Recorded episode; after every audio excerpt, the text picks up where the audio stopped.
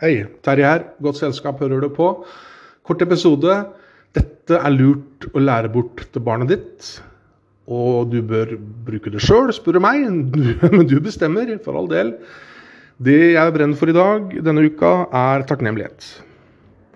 Jeg snakka om det før jeg er klar over det, men det er en viktig påminnelse. Og jeg hørte nettopp noen fortelle om hvordan de kom seg ut av eh, depresjon.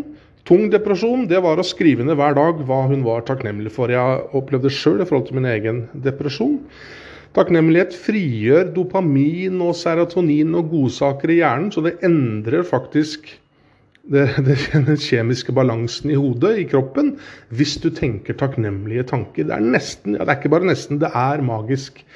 Skal du holde et foredrag, en presentasjon på jobben, tenk på takknemlige tanker før du gjør det, så vil du roe deg og føle deg mye mer i jorda. Det er eh, viktig. Og du vet, alt vokser. Alt vi gir næring til, vokser. Så hvis du gir næring til det du er fornøyd med, altså tenker på det du er fornøyd med og er takknemlig for det, så er det det som vokser. Og da har de tingene du ikke er fornøyd med, en tendens til å bli borte.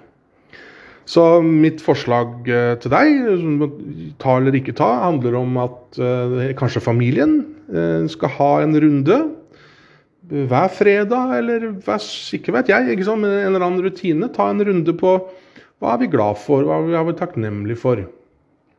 Vi som lever i Norge, vi, vi, vi er vi er ikke så det er mye vi kan være takknemlige for, altså. I snitt bruker vi 11% av lønna vår på mat, og det er veldig lavt i forhold til et eh, verdensperspektiv, da. Så det var bare en kort påminnelse. Viktigheten av eh, takknemlighet. Det er eh, altså helt suverent og viktig å lære bort til barn og unge. For de kan, som jeg gjorde, vikle seg fort inn i negativitet og tenke bare på det negative. Så en påminnelse til oss, og også at vi eh, formidler det videre til de. Ok.